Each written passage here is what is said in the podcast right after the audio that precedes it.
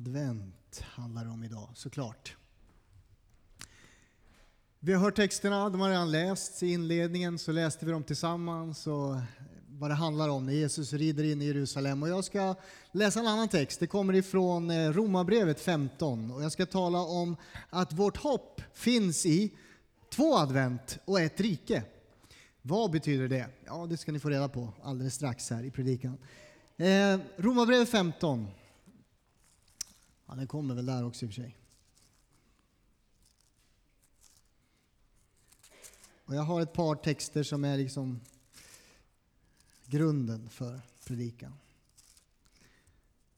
15 och 12 står det så här.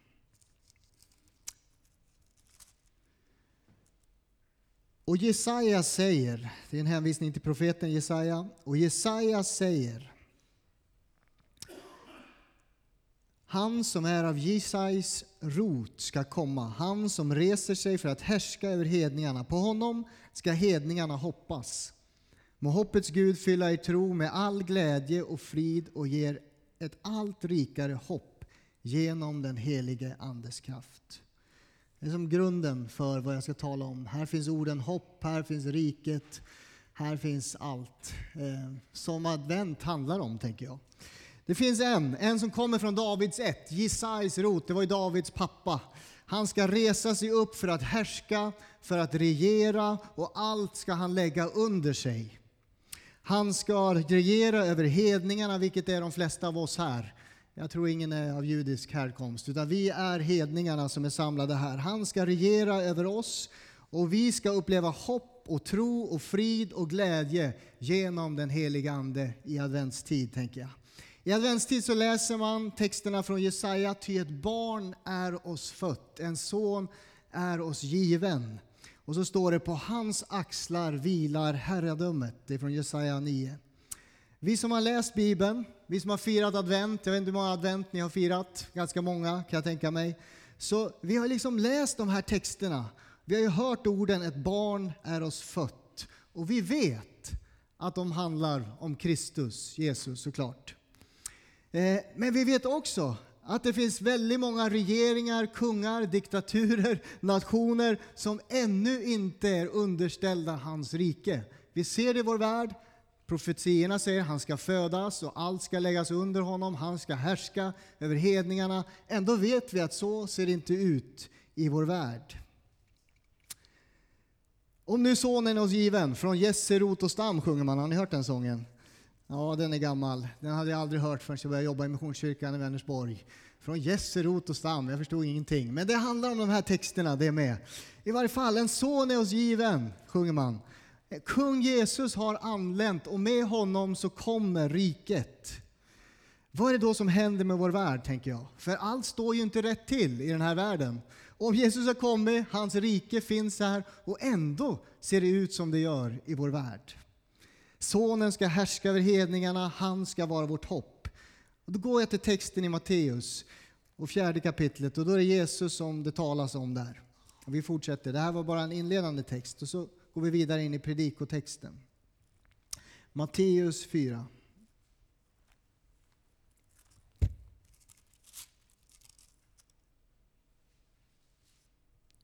Då står det från vers 12. När han hade hört att Johannes hade blivit fängslad vände han tillbaka till Galileen. Han lämnade Nasaret och slog sig ner i Kafarnaum som ligger vid sjön i Sebulons och Naftalis land. För att det som sagts genom profeten Jesaja, tillbaks till profeten igen, skulle uppfyllas. Sebulons land och Naftalis land ner mot sjön på andra sidan Jordan, hedningarnas Galileen. Folket som bor i mörker har sett ett stort ljus och för dem som bor i dödens land och skuggan har ljuset gått upp. Från den tiden började Jesus förkunna. Omvänd er, himmelriket är nära. Alltså i den här texten, det här är också en adventstext egentligen, så handlar det om, det finns en bild här, en bild där världen som sitter eller lever och rör sig i mörker. De bor i dödens land i skuggorna, sa profetian. Eh, men det är hedningarnas värld och det är vår värld. Men till den världen håller Jesus sin första predikan och han säger omvänd er, himmelriket är nära. Eller nu här. Du vet, hela Jesu budskap i evangelierna är centrerat kring just denna förkunnelse om Guds rike. Mer än 80 ställen i evangelierna talar Jesus om riket. Hela tiden, gång på gång, kanske mer än under och tecken och sånt, så talar han om det rike som han skulle komma med. Han talar om att det riket är redan nu här. Och sen säger han åt sina lärjungar, och det är vi idag, att vad ni än gör, sök först det riket. Sök först det riket i adventstid. Det ber han dig göra. Han förkunnar sitt rike, han kommer med riket och så säger han du ska söka det riket. Och genom hela gamla testamentet så byggs den här tanken upp att Messias ska komma och man gillar den här idén. En son ska ge till oss, han ska omkullkasta alla andra riken och Guds rike ska breda ut sig. Ett rike med försoning, med fred, med rättfärdighet ska råda och Guds vilja ska få ske i den här världen. Det tänkte man sig. Och så läste vi texten. När Jesus kommer och man hyllar honom och man ropar Hosianna så tänker man nu är det snart här. Nu händer det. Eh, det här som vi har väntat på. Han ska ta över, han ska bli, bli, bli kungars kung och herrars herre och regera över den här världen. Och det här var första advent, tänker jag. Jesu ankomst in i den här världen. Men vi som kristna, vi väntar också på ett andra advent. Inte nästa söndag, utan det är därför jag talar om att vårt hopp finns i första advent och i ett andra advent. Och vi lever just nu däremellan och då hoppas vi på att riket kan breda ut sig här och nu.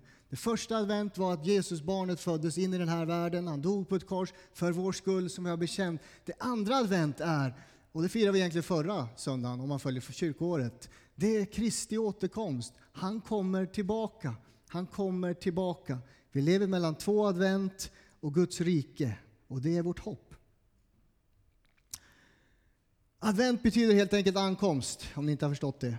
Adventstid är en tid att förbereda sitt hem, sitt liv för Jesus. Att förbereda sig för Jesu ankomst. Att han ska komma tillbaks, men vi förbereder också för julen. Ah, det som redan har hänt. Och, och då tycker jag ibland så att det är lite lustigt. Eh, det är lite svårt liksom att förbereda sig på något som redan har hänt. Jag vet inte om ni tycker det. Som att vi nu ska låtsas i fyra veckor att vi ska fira. Han kommer ju, han kommer och vi lever med en förväntan på julafton att han kommer och så ska vi liksom spela för varandra. Och sen på julafton så, så kommer vi hit på förmiddagen och så ser vi att ett barn är oss fött, en son är oss given, han, hans namn är Gösta kanske, jag vet inte vem som ska vara där i krubban i år. Men vi, liksom, vi låtsas och tänker att det ska hända, men det har ju redan hänt. Vi lever med det hela tiden. Och så här är det i livet. Trots att vi vet vad som ska hända så lever man ändå med en förväntan ibland. Eh, har ni tänkt på det? Ja, när vi ser på film. Titanic sjunker alltid i alla filmer om Titanic. Det händer jämt hur man än gör. Robin Hood kommer alltid att besegra den där onda sheriffen och vara i kamp mot honom. Mufasa kommer alltid att dö. Fastän det har gjorts en ny Lejonkungen nu och ni åker och tittar på den så är det samma story, samma händelser, samma sak. Jag förstör, jag förstör filmen nu för er om ni hade tänkt åka och titta på den. Men pappa Mufasa kommer att dö. Simba kommer att bli ensam. Han kommer att leva i utmarkerna. Han kommer att hitta sin rättmätiga plats och bli kung. Det där händer alltid i filmer. Ändå sitter vi där med en förväntan. Liksom. Vad ska hända nu? Va? Hur ska det gå? Eh, varje kväll faktiskt så berättar jag berättelsen om Titanic för min son Gideon. Märklig berättelse. Han vill höra den. Det är som hans godnattsaga. Så berättar jag om Titanic. Och vissa kvällar då vill han inte att den ska sjunka båten. Och vissa kvällar ska alla räddas och vissa kvällar ska alla drunkna. Det är väldigt dramatiskt. Men han vet ungefär vad som händer. Och ändå så ser han fram emot den där kvällsberättelsen om Titanic. Jag vet inte om han har varit och lyssnat på Lasses predikan om Titanic, om det är därför. Men någonstans så ville, i det skedet så skulle vi prata om Titanic varje kväll. Vad jag säger är, vi vet att Jesus kommer, att han redan har kommit. Vi lever med det i adventstid och adventen betyder att han har kommit. Men advent är ju också att han ska komma. Vi förväntar oss, han kommer tillbaks och vi lever däremellan just nu. Så vi vet, eh, och, då, och då tänker jag så här, det verkar ju konstigt att fira det här varje år, varje år, varje år. Men så här är det ju, den här händelsen har påverkat mitt liv, vår värld, mer än någon annan händelse. Den har påverkat hela vår tideräkning. Vi talar om före Kristus, efter Kristus. Och när den andra adventen kommer, inte nästa söndag, utan när Jesus kommer tillbaks, då kommer det påverka hela vår tideräkning. Vi går mot ändens tid. En annan tidsålder träder in när Guds rike kommer ner mitt ibland oss. Med Kristus. Det är den andra advent. Det här är hoppfullt för oss. Vi lever med ett hopp om första advent, andra advent och ett rike. Jag har fyra, fyra, det här var som inledningen. Jag har fyra hopp här som jag ska tala om. Ganska korta men ändå. Det första har vi nästan pratat om. Men det första hoppet, det är hoppet. Hoppet är Guds rike skulle jag säga.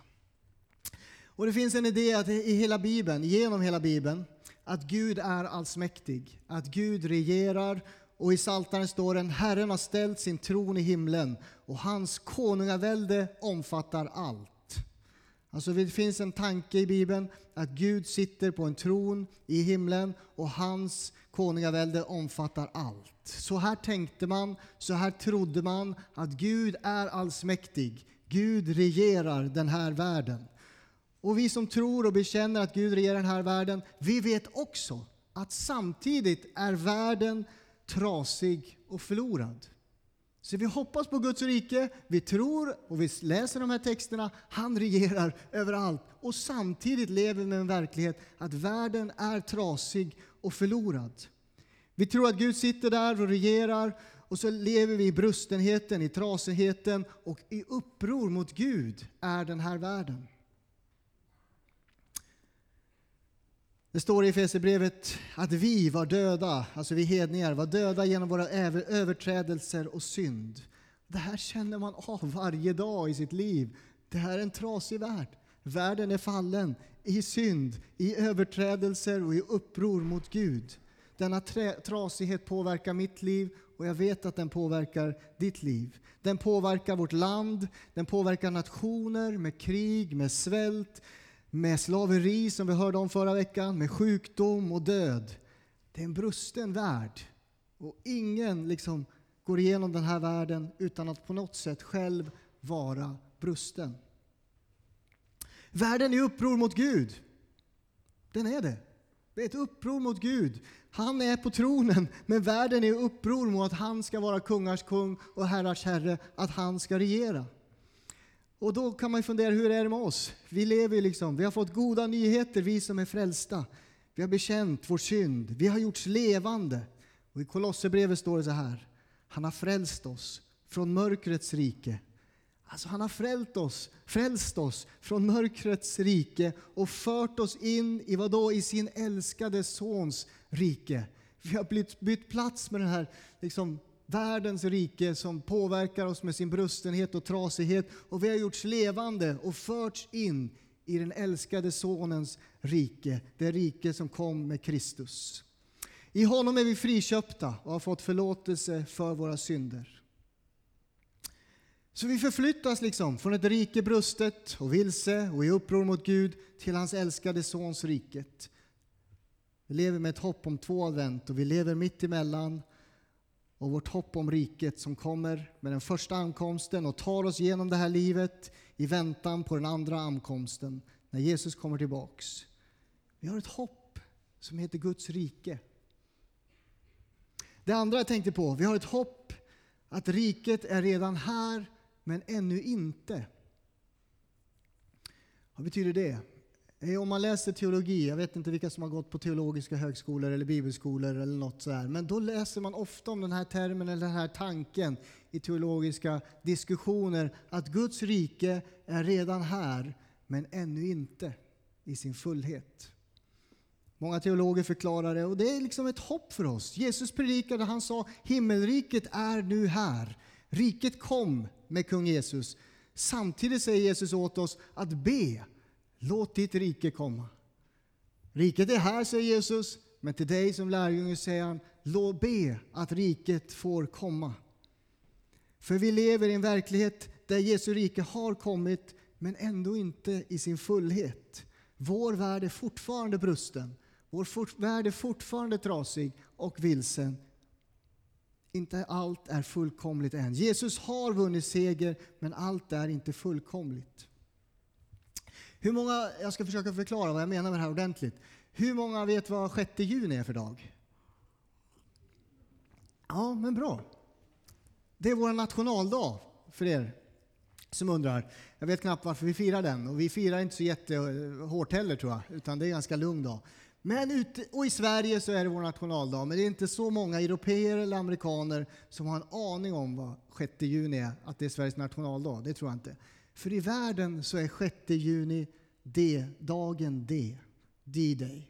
Det var då det hände. Andra världskriget 1944 06.30 inleds den första eller den största amfibieinvasionen som världen har skådat. 160 000 soldater landstiger från liksom stranden, från båtarna. Samtidigt seglar det ner 24 000 soldater genom fallskärmshopp ner på stränderna vid Normandie. Och Eh, det, det, liksom, det här är början på slutet på Hitlers välde. De allierade visste, får vi bara del, tag i liksom ett litet landområde så kommer vi vinna kriget. Man visste det. Därför laddade man på allt vad man kunde, satte in alla insatser där. Operationen hölls hemlig. Och så tänker man, får vi bara landstiga med så här många soldater, då kommer vi krossa ondskans makt, Hitler som får vara synonymt med det där. Alltså, Kriget vanns där på stranden. Man intog Europa, man kom in där, man satte sina soldater där och så visste man vi har vunnit seger. Men kriget tar inte slut förrän, när då?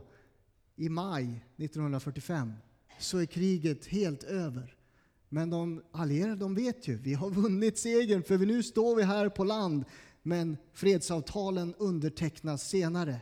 Och jag tänker vi lever mellan ankomster där Jesus liksom utropar på korset, det är fullbordat. Han vinner kriget över synd, över död, över djävulen. Och jag har liksom läst slutet på Bibeln och jag vet, jag vet att han kommer att slutföra allt när han kommer tillbaks och upprättar allt. Men mellan den första advent och den andra advent så pågår en strid. Guds rike är redan här vi är del av det riket, vi är medborgare i det riket, vi är redskap i det riket. Där vi i denna brustna och trasiga värld går fram får vi vara redskap för Guds rike. Vi får dela, vi får berätta om Gud som älskar, som förlåter, som försonar, som upprättar och som helar. Men det är här just nu, men inte i sin fullhet, för världen är fortfarande vilsen och trasig. Jag tänker när Gamla Testamentets profeter läser den här texten från Jesaja, eller profeterar den och läser den gör man senare på Jesu tid. Då ett barn är oss fött, en son blir oss given, herraväldet vilar på hans axlar. Då ser de denna, så, det här, den här, det här grejen som, som en händelse, som en enskild händelse. De ser från det här hållet. Ja, det är en enskild händelse. Ett barn föds och herraväldet vilar på hans axlar. Han kommer att rida in och störta romarriket. Men vi ser det från ett annat perspektiv. Vi ser ju att det handlar om två händelser. Barnet föds, sonen kommer och herraväldet kommer att vila på hans axlar. En dag när Kristus kommer tillbaks och hans rike liksom genomsyrar allt, då kommer allt vila på hans axlar.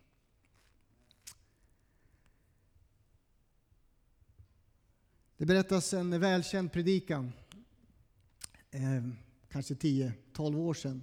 I afro, afroamerikansk kontext predikades det. Eh, så senare spreds den här predikan på internet och genom sociala medier. Och det är en predikant som talar om trasighet, han talar om nöd, han talar om förtryck, om sjukdom, om smärta, om allt det som man såg i den här världen. Och den här predikan började så här, det är fredag, men söndagen kommer. Hela predikan var uppbyggd kring de orden, det är fredag, men söndagen kommer. Och så börjar predikanten och säger det är fredag och Jesus hänger död på korset. Men söndagen kommer, säger predikanten. Så fortsätter predikanten eh, att det är fredag, hans lärjungar de är rädda, de är utspridda som får utan herde. Men det här var på fredagen. Söndagen kommer. Du får tänka dig en stor eh, afroamerikan här som står och predikar. Det är en annan eh, pondus och tyngd i hans ord, men han fortsätter i alla fall. Han säger så här, det är fredag och Maria ligger ner och kysser Jesu blodiga fötter. Men det var på fredagen. Söndagen kommer. Det är fredag, djävulen tror att han har vunnit en seger, att Guds son är död, men det var på fredagen. Söndagen kommer och så ökar predikanten i intensitet liksom och kraft. Och så håller han på så här, säkert i två timmar, det kommer inte jag att göra. Men det är sant att det var på fredagen och söndagen kommer. Och lite det är vi. Vi lever med första advent. Jesus har dött och uppstått, men vi lever mitt emellan detta.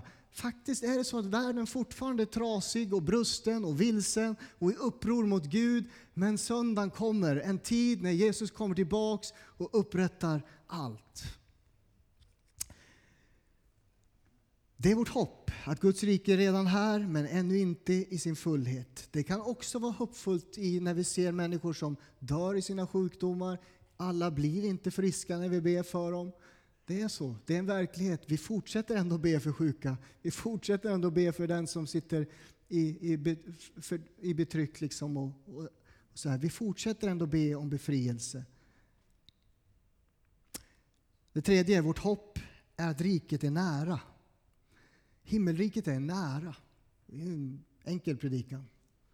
Himmelriket är nära. På de mörkaste platser, vad läste jag i texten? Det folk som sitter i mörker ska se ett stort ljus. För de som bor i dödens land i skuggorna ska ett ljus gå upp. Det här är hoppfullt. Guds rike är nära. Det är inte långt borta. Varje gång någon upplever frälsningen, får sina synders förlåtelse, så är Guds rike där, nära. Varje gång någon upplever helande från sjukdom i sin kropp så är Guds riket där, nära. För varje gång som någon upplever att man får äta sig mätt när man har gått hungrig länge så är Guds riket nära. Varje gång som någon upplever att jag har tak över huvudet och en varm säng att sova i så tänker jag då är himmelriket nära. För Guds rike kommer till oss och det är nära. Hur mörkt, hur svårt det än ser ut för dig så är himmelriket nära. Ljus ska bryta fram på de mörkaste platser. Det kan vara mörkt i din släkt, det kan vara mörkt i din familj, det kan vara mörkt i ditt hem. Det kanske är många i din släkt som inte är frälsta. Men börja be för då är himmelriket nära. Be i adventstid. Det här är den tid när svenskar kommer att sjunga sånger om världens frälsare mer än någonsin. De kommer att höra texterna om att han har dött och uppstått för dem. Jag tänker be att himmelriket också berör, kommer nära dem. Det fjärde, vårt hopp är Kristus, tänker jag. Vårt hopp är Kristus. Jesus säger så här i texten, omvänd er, ty himmelriket är nära. I juletid, som jag sa, vi har redan sjungit om frälsaren som är född, liksom gör plats för honom och vår respons till budskapet är alltid omvändelse. Om du vill uppleva advent i ditt liv, Jesus kommer till ditt hjärta. Om du vill få känna kraften av riket inom dig, så är vägen omvändelse. Omvändelse, det är att vända om. Det är att låta ditt liv få en ny riktning. Det handlar faktiskt om att byta sätt att tänka och leva och att vara. Inte bara oh, nu tar jag Jesus med mig in i mitt liv, utan jag vänder om och förändrar mitt sätt att leva, att vara, att tänka. Jag byter till och med åsikt i många saker. Jag märker det på min egen vandring med Jesus. Jag har bytt åsikt i massa frågor. Det jag trodde innan, det har jag slutat tänka. För att jag har mött Jesus och vänt om.